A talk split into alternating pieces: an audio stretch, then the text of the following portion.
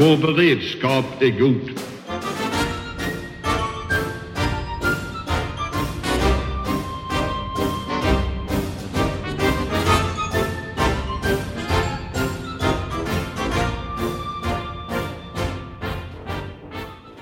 Hej och välkommen till Höjd beredskap, eh, en podd från Aftonbladet Ledare. Och eh, vi sitter här just nu i precis brytningstiden när eh, man börjar flytta tillbaka hemifrån, tillbaka till arbetsplatser och sådär i Sverige för de flesta. Just nu sker ofta infasningar på många företag och myndigheter. Så också för Aftonbladet. Eh, så vi är på väg tillbaka till våran studio eh, så det här är sannolikt det sista avsnittet som vi ska spela in på distans. Eh, kanske, det vet vi inte, men det är en möjlighet. Eh, och att vi sen befinner oss på våran studio på tidningen som förut. Och med mig idag så har jag Amanda. Wollstad nere från Malmö. Och Patrik. Oksanen, till vardags senior fellow på tankesmedjan Frivärd som seglar omkring i cyberrymden här. Och jag heter Anders Lindberg och är från Aftonbladet. Och med oss ibland så har vi kanske Johan Victorin som syns i form av en ikon för tillfället och eh, som dagen till ära eftersom detta är sista avsnittet som vi sannolikt spelar in på distans eh, så eh, håller han på att ha tekniska problem. Men i varje fall, vi får se hur det här går för oss övriga.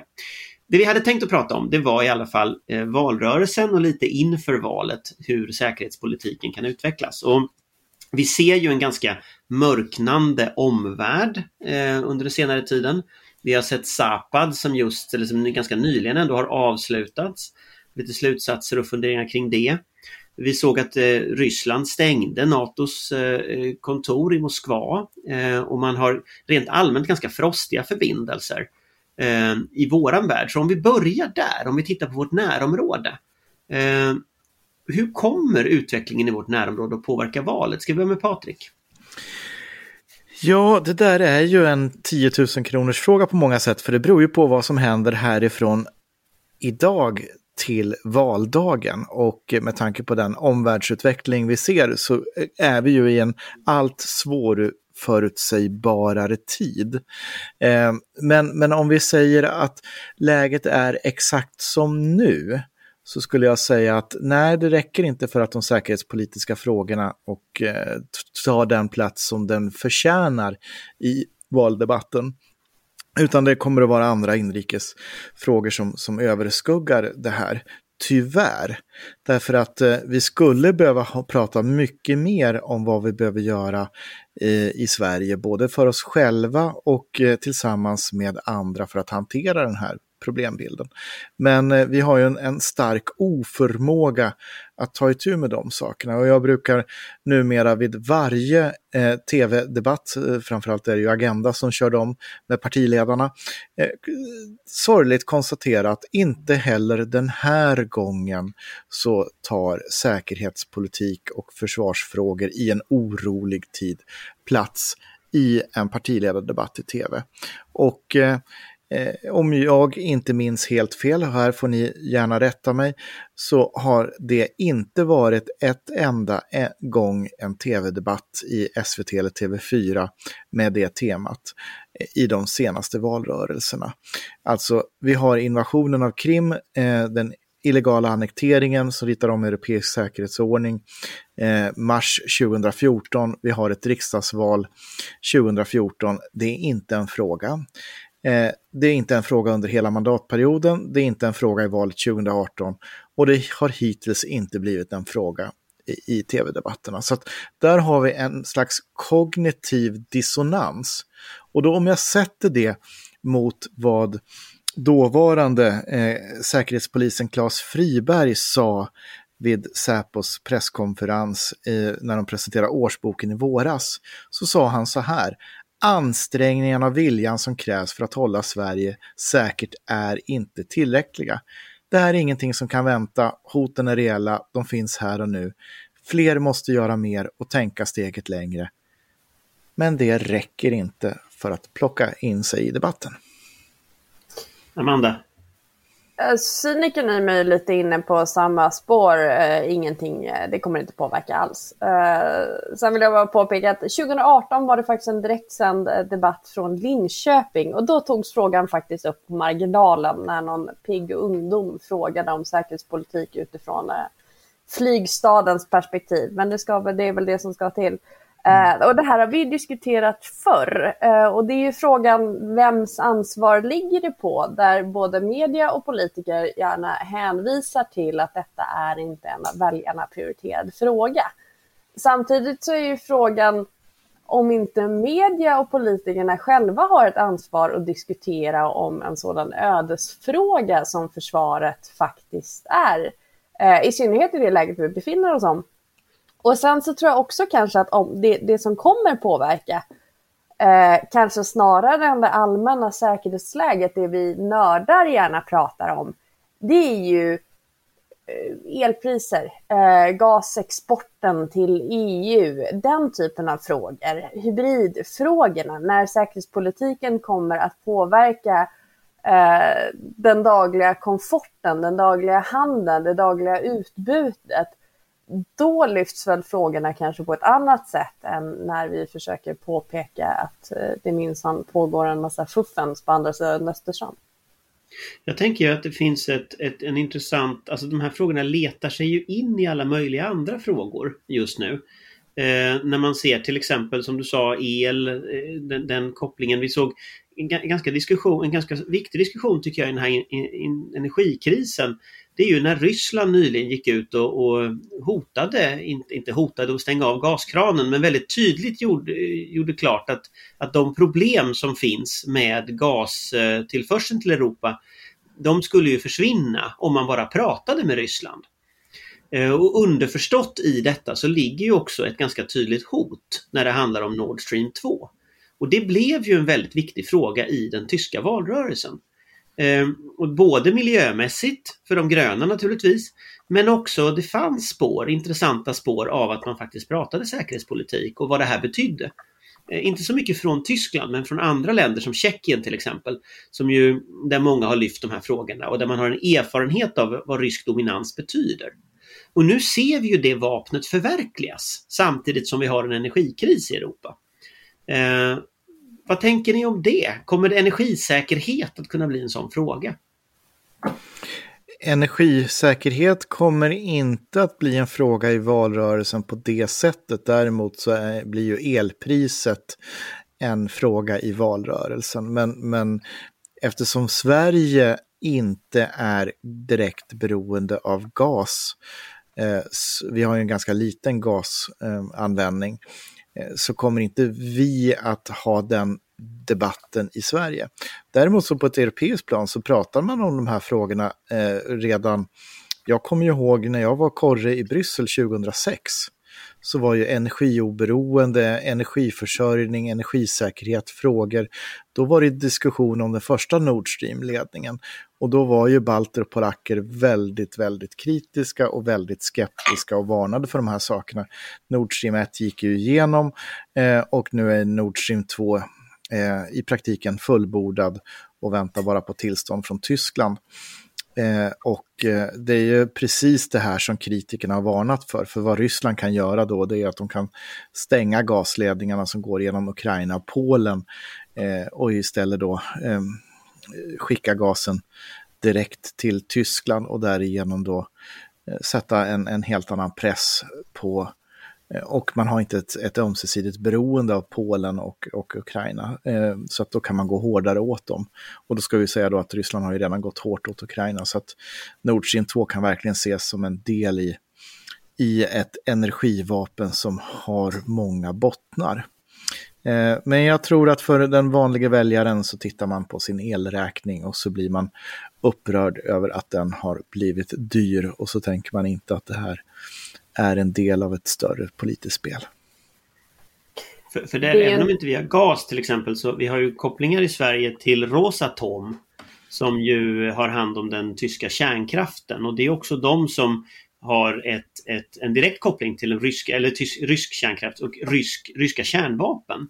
Där finns ju en koppling till Sverige. Ja, vi eh, köper ju, vi köper ju eh, råvaran, höll jag på att säga, till kärnkraftverken därifrån. Ja, och det är, så hur tänker du? Du sa att det var inte en koppling med gasen, för, men det är ju trots allt så att vår energi har en direkt koppling till det som är faktiskt Putins maktapparat. Rosatom, man brukar ju prata om Gazprom som det stora, men Rosatom är ju faktiskt ett av de andra stora energiföretagen som är direkt förlängning. Eh, Rosatom är grundat av Putin och, och en direkt förlängning av Kremls makt som når hela vägen till, till Nyköping till exempel. Studsvik hade en stor affär med dem nyligen.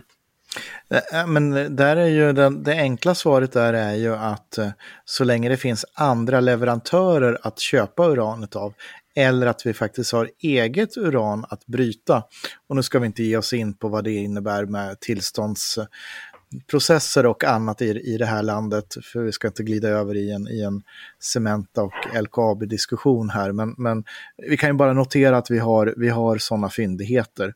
Vi skulle teoretiskt sett kunna bryta det själva, eh, men så länge det finns andra leverantörer som kan leverera det så är ju inte, sitter vi inte lika hårt fast i ett beroende som en stor fysisk gasledning utgör. Det är sant. Amanda? Sen ska vi också komma ihåg att, att eh, det är ju inte bara Polen och Ukraina och, och, där kommer naturligtvis Ryssland inte tveka en sekund att använda det här så kallade gasvapnet eh, för påverkan. Men det faktum att eh, Tyskland gör sig så beroende av rysk gas är ju i sig ett påtryckningsmedel där ryssarna kanske inte på samma sätt kommer gå ut och hota med att stänga av kranen. Men bara vetskapen att man är beroende av rysk gas för att inte frysa på vintern, eh, i synnerhet när man avskaffar sin kärnkraft, är ju ett påtryckningsmedel i sig.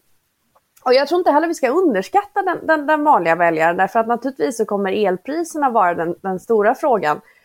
Eh, men jag tror också, vilket vi faktiskt börjar se nu, även om vi inte ska diskutera i detalj, eh, Cementa och, och LKAB och så vidare, så påverkan elpriserna och eltillgången får på industrin mitt i allt annat, det tror jag kan bli en intressant fråga.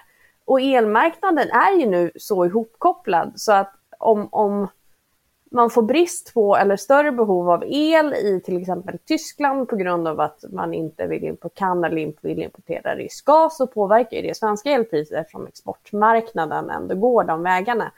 Eh, vi har ju till och med importerat under ett kort tag väl eh, rysk el från Kaliningrad, eh, från brunkolsverken där under nu de här eh, värsta dagarna de senaste veckorna. Så ihopkopplad är ju ändå marknaden. Eh, så där kan vi ändå se någonstans när det dels börjar påverka den egna plånboken men också de egna försörjningsmöjligheterna och svensk industris möjligheter att verka. Eh, där kan vi nog se en öppning till en bredare diskussion om försörjningstrygghet, hoppas jag. Ja, för det, för det finns ju något intressant ändå i att eh, man kan säga att det finns ju massa ryska, olje, eller massa ryska energibolag, men om man tittar på de, de tre tydliga som är verktyg för Kreml så är det ju Gazprom med gas, det är Rosatom med kärnkraft och kärnvapen i förlängningen och det är Rosneft med olja. Och, och tittar man då på, på Rosatom så Sverige har ju kopplingar genom att vi handlar med dem och att de också Sen vet man inte vad den här affären i Nyköping blir av, liksom hur allting landar och så, men det är trots allt ganska starka ekonomiska kopplingar som Ryssland har rakt in i viktiga sektorer i Sverige. Eh, på samma sätt som rysk gas finns i, i Tyskland och så vidare. Eh, och, och där blir liksom frågan strategiskt. Hur mycket ska man handla med Ryssland? Det har förts en diskussion i USA till exempel om decoupling med Kina. Att man ska liksom försöka klippa av de här banden, eller flera av banden. Är, det samma typ av diskussion som vi borde ha med decoupling med Ryssland från EUs sida? Eh, det finns ju någon slags liberal idé om att liksom frihandel alltid, alltid skapar på något sätt demokrati och mänskliga rättigheter och så. Den blir ju alltmer ifrågasatt idag. Eh, det borde väl någonstans bli en valfråga. Det är ändå en ganska central del av vad som är Sveriges strategi. Sverige är ju ett land som har byggt sitt välstånd på frihandel. Och då ska vi komma ihåg att frihandel, det är ju handel som är fri på, på likvärdiga villkor. Eh, där är inte Kina en aktör som, som eh, tillåter andra företag att verka på samma villkor eh, som vi tillåter kinesiska företag verkar på vår marknad. Där finns en asymmetri i relationen.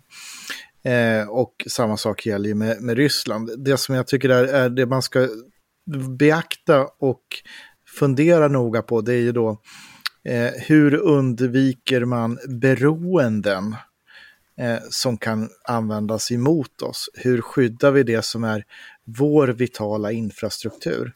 Eh, och här skulle jag ju då säga att vår vitala infrastruktur, där ingår även data. Vi ska inte glömma bort att data är ju liksom i, i den tidsålder vi lever i eh, otroligt värdefull och vad man kan göra med AI eh, och, och, dra slutsatser av data. Eh, och när man har gjort det, eh, då vet man också vad som är skyddsvärt. Eh, och, eh, och på övriga områden så ser jag inte att det är ett bekymmer att handla. Amanda? Nej, det är ju, det är ju kluvet. Vi har ju en av de här gamla frihandelshuldarna och är ju fortfarande i väldigt stor utsträckning. Och jag tror inte att sluta handla är någon lösning heller. Um, men vi har ju sett och ser ju fortfarande vilka problem kanske inte minst just-in-time-logistiken skapar när transportkedjorna av någon anledning fallerar. Först av pandemin och sen nu är det väl av diverse anledningar brist på allting från pallar till containers till fartyg till personal. Um, i Sverige har vi inte pratat om det så mycket, men i, i många utländska medier så är det väldigt mycket diskussioner om vad som kommer finnas tillgängligt till jul till exempel, att man ska passa på att köpa julklappar, att det kan bli brist på vissa typer av julmat och så vidare. Um, och där någonstans har vi ju ett problem, därför att uppenbarligen är det här väldigt sårbara system som får väldigt krassa... Det är ju tråkigt att man inte får ett eh, legosätt till jul naturligtvis, men det är ju ett betydligt större problem när man inte kan få komponenter till till exempel eh, biltillverkning eh, och plötsligt måste hela fabriken stänga ner därför att man saknar en viss detalj. Eh, och det är ju inte hållbart ekonomiskt heller. Så att jag tror att vi, vi både av ekonomiska och säkerhetspolitiska skäl måste ha en diskussion om om dagens logistiksystem verkligen fungerar. Därmed inte sagt att vi ska sluta handla med Kina, för det tror jag inte heller är en poäng. Men vi måste göra det mindre blåögt. Vi måste ha en större förståelse för, och det här är väl ett återkommande diskussion i, i hanteringen av Kina i största allmänhet, eh, att för kineserna så är handeln ett vapen på ett helt annat sätt än vi riktigt förmår greppa. Eh, och de är inte eh, sena att använda det vapnet. Eh, det har ju varit diskussionen om Huawei-telefoner till exempel, att, att alla kinesiska företag, hur formellt privata de än är, är en del av eh, Kinas utrikespolitik, av, av Kinas underrättelse. Man måste bidra med vissa uppgifter och, och så vidare. Därför att det är, det är helt enkelt så det fungerar där borta. Annars har man ingen möjlighet att göra affärer. Och den naiviteten måste vi släppa. Vi måste förstå att frihandel eh, är ett högre ideal som inte alltid efterlevs av alla våra partners och hur vi ser på handel och separationen mellan stat och, och ekonomi och industri eh, är ett väldigt svenskt, ett väldigt västligt fenomen. Eh, och först när vi inser det tror jag vi kan ta en, en ordentlig diskussion om, om hur vi ska kunna hantera det. För, för jag tänker ju att en, en av slutsatserna av pandemin det är ju att frihandeln inte har fungerat i världen. Och inte, inte bara att värdekedjorna inte fungerar utan också att genom att man har så olika ingångsvärden att Kina faktiskt inte respekterar några, någon internationell världsordning överhuvudtaget. Eh, så, så, så finns det en poäng i det som amerikanerna tänker kring decoupling. Att vissa sektorer i vår ekonomi ska nog inte vara utsatta för kinesisk konkurrens eller kinesiskt utbyte. Därför att det helt enkelt inte eh, är säkerhetspolitiskt möjligt. Därför att det är en så rug aktör att det liksom inte är, det funkar inte. Och vi har ju sett på senare år ganska konstiga exempel som att Kina till exempel hade samarbete med Rymdbolaget, det har vi diskuterat tidigare i podden, med en typ av teknik som vi absolut inte vill överföra till Kina. Eh, vi, vi, har frågan om halvledare till exempel, där ju, där ju Kina gärna vill ha en kompetens de kanske inte riktigt har eh, för att kunna slå mot Taiwan. Eller för att kunna konkurrera med Taiwan. Och alltså, det är klart att vi har ju ett intresse där som, som är motstående Kina på många sätt. Så att jag, jag, kan, jag är nog, jag vet inte om det bor någon protektionist i mig riktigt, riktigt så, det gör det väl kanske inte, men, men, men lite så tänker jag nog att det har det här löftet om att frihandeln skulle ge demokrati och mänskliga rättigheter, det har liksom, det har pajat när det gäller Kina. Och det har pajat när det gäller Ryssland. Och då måste vi se till vårt nationella intresse i mycket högre utsträckning än vad vi har gjort, tänker jag. Ja, det är en lite annan linje än, än socialdemokratin har haft traditionellt i Sverige eller vad Sverige har haft överhuvudtaget med Wallenberg och stora bolag. Men frågan är om det inte är nödvändigt att liksom göra ett uppbrott från den, den gamla linjen. Ja, och det är där jag kommer in när jag, när jag säger att, att vi behöver identifiera vad är skyddsvärt hos oss och reflektera över det. För att undvika att hamna i de här asymmetriska relationerna där, där vi kan pressas till, till saker vi inte egentligen vill för att vi har ett väldigt stort beroende av någonting som någon annan kontrollerar. Eh, eh, handeln i sig eh, är en, en, någonting som vi har byggt vårt välstånd på och eh, det har väldigt många positiva effekter. Men den, den tilltron till att det finns en automatik att globaliseringen och frihandeln skulle göra Kina fritt och resten av världen till liberala västerländska demokratier, den, den kan vi ju lägga på, på, på hyllan. Eh, för gott. Eh, för så det funkade det inte. Så. så funkade det inte. Eh, utan snarare att vi ser en export från deras sida av auktoritära värderingar. Och där har du den stora övergripande globala ideologiska striden som vi står inför de kommande två decennierna. Det är ju vilken typ av värderingar ska styra världen. Ska det vara den starkes rätt, den som hävdas då från Beijing och Moskva? Eh, eller ska det vara en regelbaserad ordning eh, där småstater kan sitta runt bordet på likvärdiga villkor diskutera lösningar tillsammans med större stater?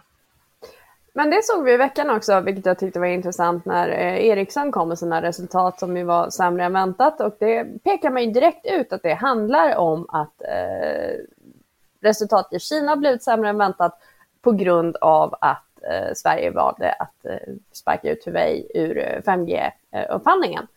Eh, eh, och det tror jag också är väldigt nyttigt att vi tar upp det och diskuterar det eh, rakt ut. Eh, att det här får konsekvenser och hur vi ska hantera de konsekvenserna istället för att på något sätt i det fördolda försöka hantera Um, därför att vi kommer få, jag tror vi kommer få se väldigt många sådana intressekonflikter, både på svensk och europeisk nivå framöver, uh, när vi börjar inse vartåt det barkar och uh, börjar skydda våra mer skyddsvärda system. Att det kommer straffa oss på andra sätt uh, med, i områden och företag som kanske egentligen inte har med det här att göra. Eh, och det måste vi också hantera på något sätt naturligtvis, därför att Eh, där är ju frågan hur, hur, stort ansvar har staten och statens agerande för hur enskilda företag drabbas? Hur hanterar vi det? Um, och... I, I just Ericssons fall så hade väl utrikeshandelsministern, eh, det avslöjade väl någon tidning här, eh, väldigt nära kontakter med Ericssons VD om detta och smsade fram och tillbaka. Eh, där det är uppenbart att den svenska regeringen var djupt engagerad i, ja, på Ericssons sida då. Och det föreställer mig en konflikt inom regeringen mellan folk som ser säkerhet som en viktig fråga och folk som ser handel som en viktig fråga och att där sker ju en krock. Det är ju, en, det är ju, det är på riktigt en, en riktig intressekonflikt här liksom, mellan dem. Eh, och i just det där fallet så verkar väl de som står för säkerhet ha överhanden, men det är kanske är en tidsfråga. Eh, och det kan man aldrig ta för givet heller. Den dynamiken kan ju förändras. Eh, och vi vet ju också att det här bolaget som vi, vi pratar om, då, Huawei, eh, jobbar ju väldigt aktivt mot den, den eh, svenska opinionen och, och svenska beslutsfattare och, och, försöker påverka och vända det här. Eh, och i det så använder man ju sig av PR-firmer.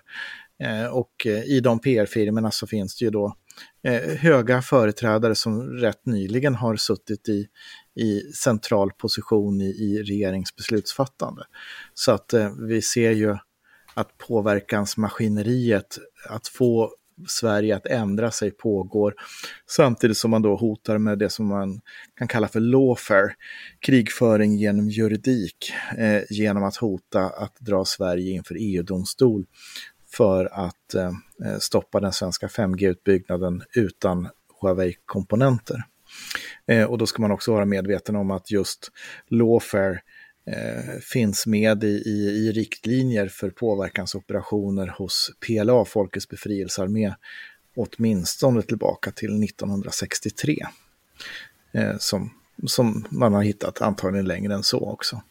Eh, för att man har, ut, man har identifierat att andra länder, västerländska länder, har ju en, en svaghet eftersom man har ett oberoende rättssystem och då kan man ju driva saker och, och, och missförstå mig rätt när jag säger en svaghet med oberoende rättssystem. Jag är helt för, det är en helt fundamental sak för en demokrati att man har det och det ska vi vara jäkligt glada för att vi har. Men i deras perspektiv så finns det en möjlighet då att driva saker eh, genom att utnyttja vårt juridiska system för att eh, flytta fram sina intressen. Men, men, det är inte helt olikt hur högerextremister till exempel gör i Sverige. Att om man skriver om högerextremister då, då blir man också anmäld för alla möjliga saker jämt och ständigt. Um, och, och, det där är en metod ute på de politiska extremkanterna även här, lawfare som metod. Islamister har också gjort samma sak. Och så, så det, det, finns ju som ett, ett fenomen.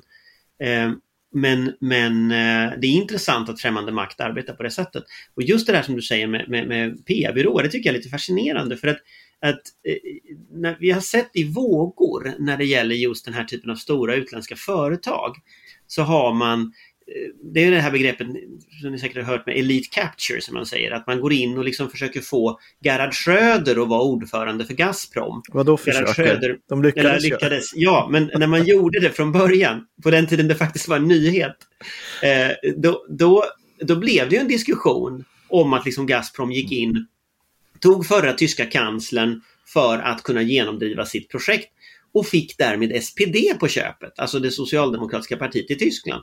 Och SPD är ju fortfarande förälskade i Gazprom, eller förälskade i både Gazprom och i Nord Stream 2. Eh, och det där är så, vi har ju varit i Berlin och pratat med folk om detta i SPD och det är liksom som att prata med en vägg. Man förstår liksom inte överhuvudtaget svenska synpunkter på att det här är ju ett säkerhetshot. Liksom. Nej men det är lugnt, frihandel är bra för demokratin, liksom, tralala. Eh, den här typen av elite capture som Gerhard Schröder var ett uttryck för, den förekommer ju även i Sverige. Fast naturligtvis på mindre nivå och sådär, det är inte lika eh, tydligt. Men där tror jag att man ska vara väldigt, väldigt vaksam. Eh, vad är det för aktörer som vill träffa en? Vad är det för aktörer som, som bjuder en på olika saker? För där finns det ju en naivitet i Sverige som jag upplever är väldigt, väldigt stor.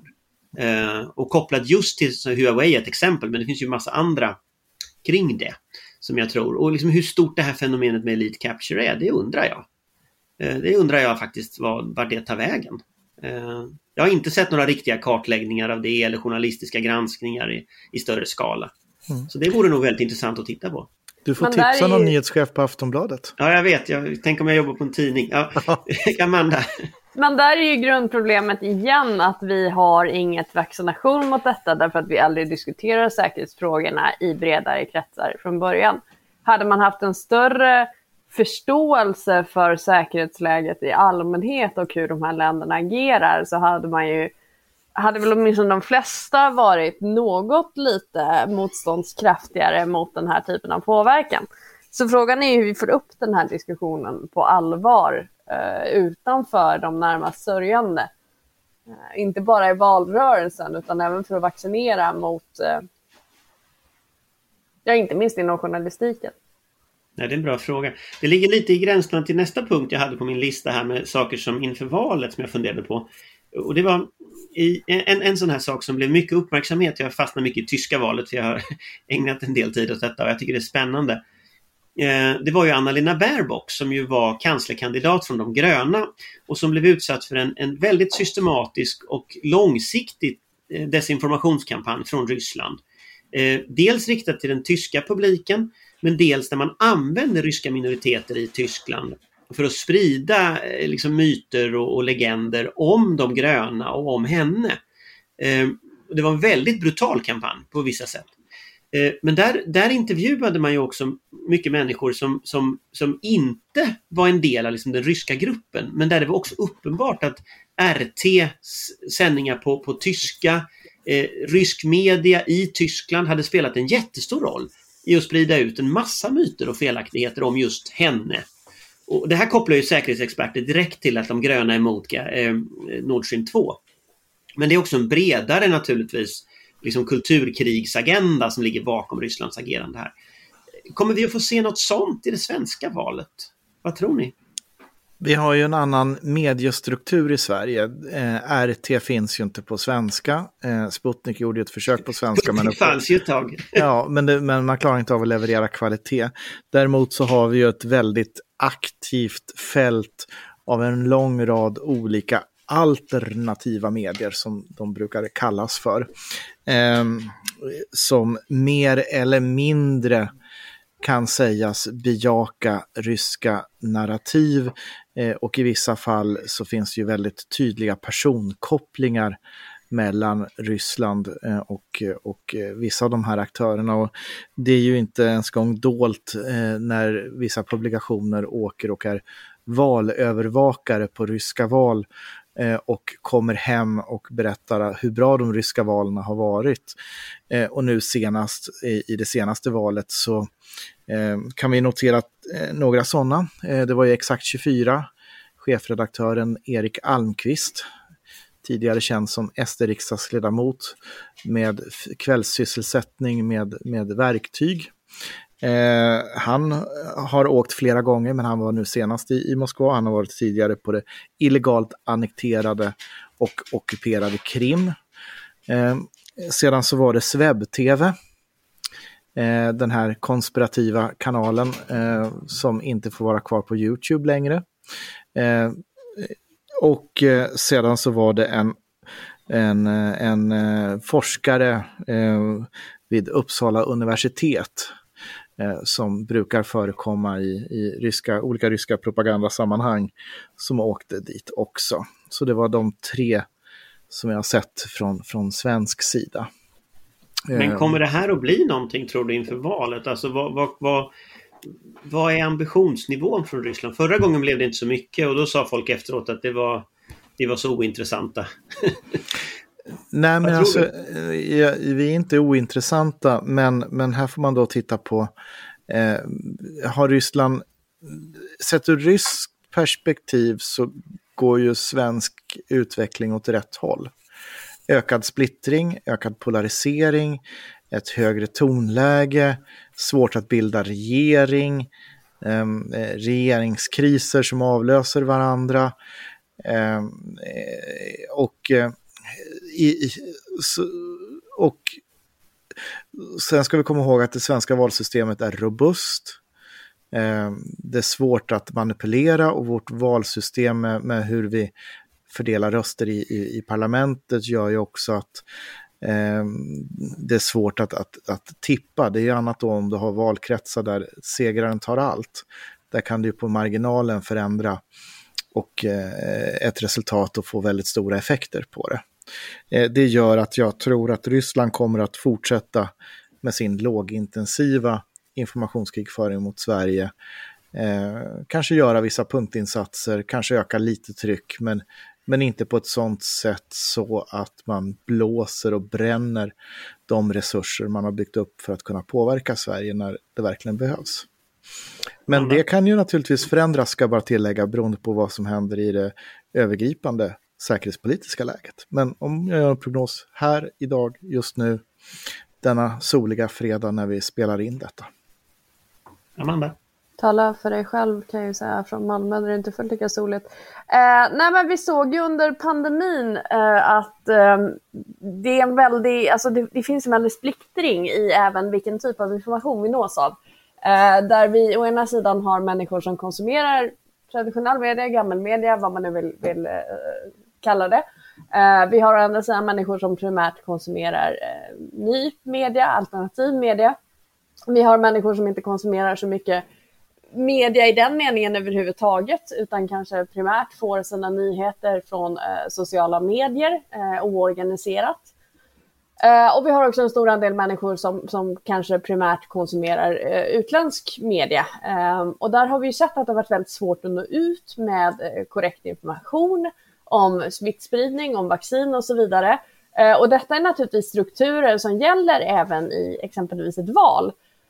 Eh, och visar ju hur sårbart samhället är eh, och hur svårt det kan vara att nå ut med korrekt information och hur lätt det är att sprida desinformation egentligen oavsett om du har ett syfte att göra det eller inte. Kanske framförallt då på sociala medier eller Eh, om man huvudsakligen konsumerar olika former av alternativa eller utländska media där man har ett, ett annat narrativ av skäl som inte behöver vara sinistra i sig. Eh, men resultatet blir ändå detsamma. Eh, och detta är naturligtvis ett jätteproblem.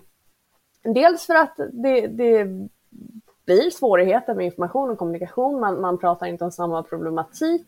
Man får inte ut samhällsinformation. Eh, man kan ju undra inför ett val till exempel, de här människorna som då inte till, nås av eh, korrekt information under en pågående pandemi. Vad nås de av för information under ett val eh, vad gäller liksom, partiers ställningstagande och så vidare. Eh, vilka filter går det igenom? Men också naturligtvis därför att de här strukturerna blir oerhört enkla att utnyttja. Uh, och det är gammelmedia också. Det ska vi ju inte, vi ska inte stå oss för bröstet här heller. Det har vi sett ett antal fall när man har skickat ut pressmeddelanden eller det har spritts eh, falska artiklar, inte minst under jour och helgtid när det sitter någon stackars ny reporter och inte kan de här frågorna, ska hantera allt och plötsligt kablar man eh, okritiskt ut ett eh, telegram från TT med en missvisande rubrik om, om ubåtsjakt eller vad det nu må vara.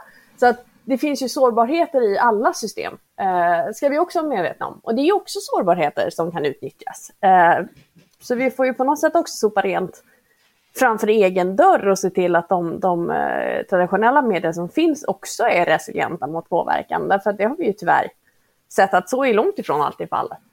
Nej, och vad vi såg i Tyskland var väldigt tydligt också att de här narrativen om Annalena Baerbock plockades ju upp och vinklarna plockades ju upp i en större politisk diskussion i samhället. Och de gröna råkade ju rätt illa ut i granskningen. Tittar jag på, på medielandskapet i Sverige just nu så ser jag ju motsvarande kampanjer mot Miljöpartiet till exempel.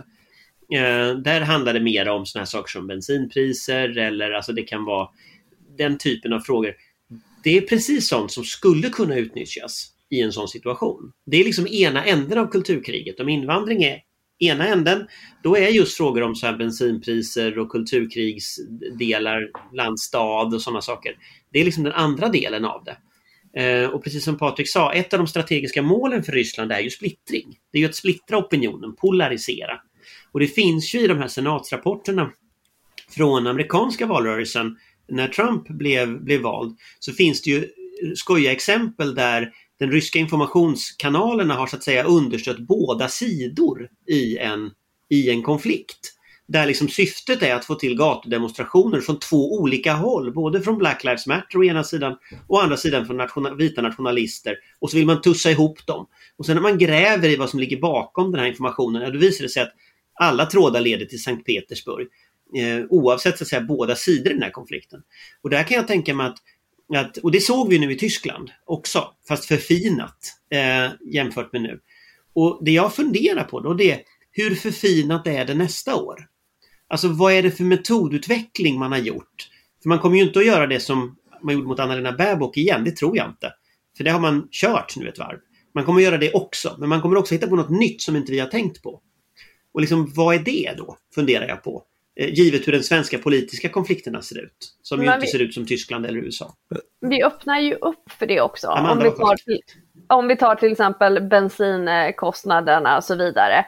Eh, därför att någonstans tror tusan att folk blir förbannade när deras eget liv påverkas i så stor utsträckning. Är man bilberoende, bor eh, utanför storstäderna, pendlar till jobbet, måste köra barn och så vidare. Då är det här ett oerhört slag mot den privata ekonomin. Och upplever man då att man inte får något som helst gehör för det, att det finns någon slags, och det är ju naturligtvis också ett narrativ som är till stor del konstruerat, men att det finns en storstadselit då som själv inte drabbas av de här problemen, eh, men som ser det här som någon slags omställningsproblematik och inte bryr sig om den individuella kostnaden i något större vi öppnar ju själva upp för den här typen av polarisering. Eh, det ska vi ju inte heller hymla med. Det finns ju en, eh, en, liksom, en konflikt, kanske inte så mycket mellan stad och land, men mellan människor som har det ganska bra och är vana vid att få sin röst hörd, det vill säga vi i den här studion bland annat, eh, och människor som inte riktigt befinner sig i samma situation. Eh, och kan vi inte på något sätt själva överbrygga den klyftan så klart som tusan att andra kommer utnyttja den. Det är ju egentligen inte så konstigt. Mm, Patrik? Ja, jag håller ju helt med om, om det och att vi kan ju göra saker och ting för att minska konfliktytor. Vi kan räcka varandra handen eh, på ett annat sätt och, och eh, försöka ta ansvar för debatten och att inte bli alltför polariserat. Eh, sen är det komplext, eh, sociala medier samspelar i det där också eh, med hur, vad, vilket typ av beteende som, som premieras för att nå spridning och effekt och synas och så vidare. Eh, sen när det gäller eh, valet och, och kopplat till vaccin så är det ju som så att vi ser ju att Ryssland har investerat väldigt mycket kraft och energi i att pumpa olika vaccinskeptiska narrativ i en väldigt, väldigt stor skala. Och eh, regnar det på prästen stänker det på klockan så att vi har ju haft det även incidenter i Sverige då med, med en äldre dam som gick in och försökte störa en, en vaccinations eh, ställe. Eh, polis tillkallades och en, en polis blev, blev lindrigt skadad i, i det handgemänget till exempel. Då, så att det får verkliga effekter. Även om man kanske i det enskilda fallet inte direkt kan säga att det finns en rysk koppling så bygger Ryssland i det här ekosystemet narrativ berättelse som får egna ben, lever ett eget liv eh, och sticker iväg. Eh, men du ställde frågan Anders där, vad kan vi förvänta oss till valet? Och, och jag tycker att den poängen här är ju då att eh, det är ju kreativitet från motståndaren eh, som, som sätter lite grann begränsningarna. Och jag tycker att Elisabeth Braw, som nyligen har kommit ut med en bok som heter Defenders Dilemma, som handlar om hybridkriget och, och försvararens dilemma i det här, fångar just essensen i det här problemet i ett citat som, som jag tycker är, är ganska illustrativt och som jag tror att kan hjälpa lyssnarna att förstå det här. The West's rivals can cook a soup more easily than Western countries can, but they also use a wider range of ingredients. In fact, the targeted country has no way of predicting which ingredients will be used on any given occasion. Det är den anrättningen det handlar om. Vi vet inte vad soppan kommer att innehålla. Vi kan utgå ifrån att det kanske kommer att stoppas in saker, men det är väldigt svårt i förväg att ha en chans att säga vad som kommer att finnas i soppan. Men där finns ju något intressant för där finns ju också det här gamla citatet om att all krigföring är vilseledning. Och, och när, när, det jag fick lära mig som någon form av strategisk grundmodell när man skulle mäta liksom sidors kraft mot varandra så skulle man titta på liksom just vapnen, hur effektiva var vapnen? Hur effektiva var ett nytt vapen? Man tittade på rörelse, man tittade på skydd, man tittade på eldkraft. Och sen landade man till slut när man eh, liksom kokade ner allting till att den viktigaste ingrediensen för ett nytt vapen eller en ny förbandstyp eller en ny insats, det är överraskning. det sitter mellan öronen. Du kan ha liksom vilka fantastiska system du vill eller system av system du vill. Men kan motståndaren överraska dig där du inte är beredd? Ja, det hjälper inte. Och det där är liksom ett intressant perspektiv när jag tänker på just den tyska valrörelsen nu. För jag tror inte folk var beredda på. Jag tror inte folk var beredda på att det var de gröna som var mot liksom, måltavla. Jag tror inte de var beredda på hur systemet skulle läggas upp. Eh, och ändå så körde alla med det, trots att folk varnade. Det var, ju, det var ju många som varnade under resans gång och sa att titta nu händer det här.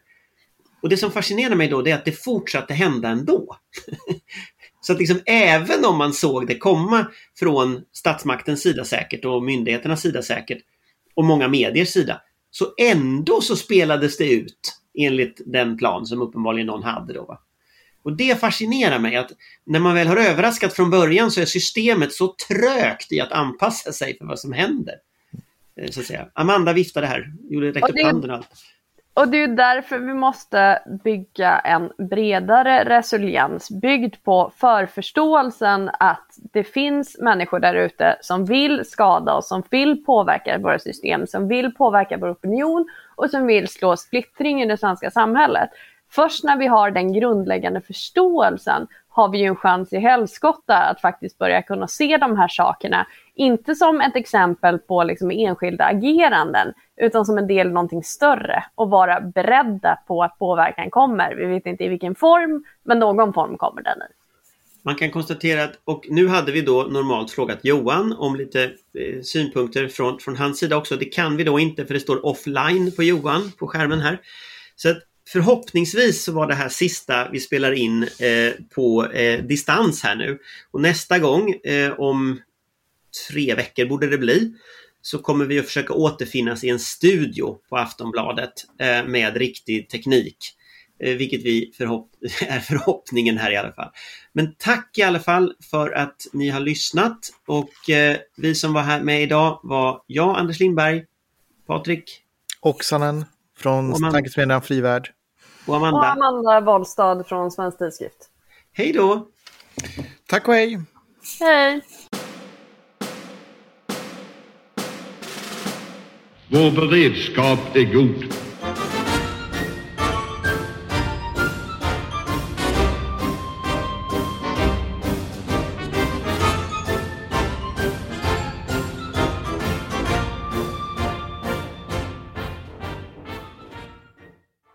Du har lyssnat på en podcast från Aftonbladet.